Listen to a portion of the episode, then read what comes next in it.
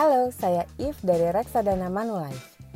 Irit, nyebelin ya bu tuh kata irit. Kesannya pelit, lapar, jarang piknik, nggak gaul. Pokoknya hidup merana, sumpah nggak asik. Makanya gue paham kenapa banyak orang yang sebel kalau diajak ngirit. Gak apa-apa lah kalau kamu-kamu masih segen, gak rela disuruh-suruh irit. Nih kita kasih formoni semua jurus-jurus makmur tanpa irit.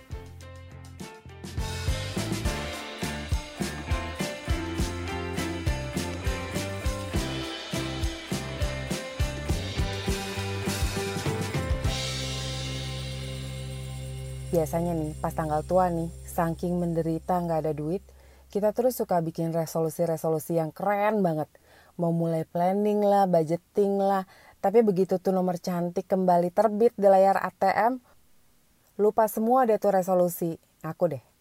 Terus akhirnya nggak nyampe tengah bulan, abis lagi duit, menderita lagi, bikin resolusi lagi. Gitu aja diulang-ulang. Gak berkembang ya bu hidup lo. Menurut temen gue yang super bijak, manusia itu makhluk yang gampang bener adaptasi. Termasuk urusan duit. Cobain ya, kamu inget dong angka gaji kamu. Pertanyaannya, angka gaji yang kamu inget tuh yang gross apa yang net? Yang net kan? Kenapa? Ya karena yang net itulah yang boleh dibelanjain. Yang gross mah lupain aja, bikin nyeri hati ada cek Sunda mah. Loba pisan potongannya. Banyak bener potongannya.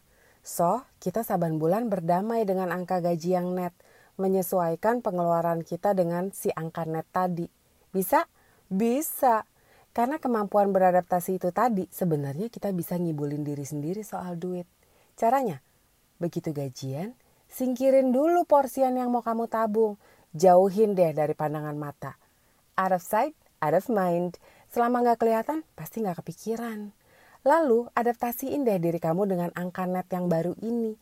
Karena udah dipangkas buat simpenan, silakan aja duit yang tersisa kamu bully sampai gajian berikutnya datang. Gak usah pakai resolusi-resolusian.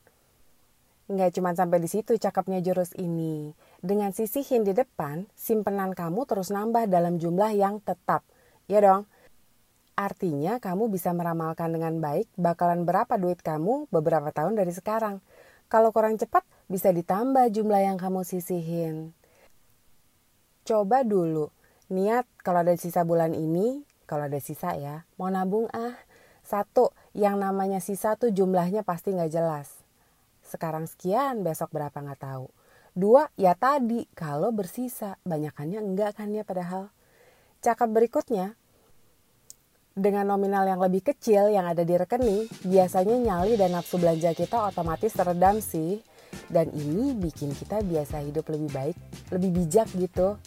Nah, kalau ngomongin out of sight, out of mind, uang yang kamu sisihin ya jangan cuma dibiarin tetap di rekening tabungan lah.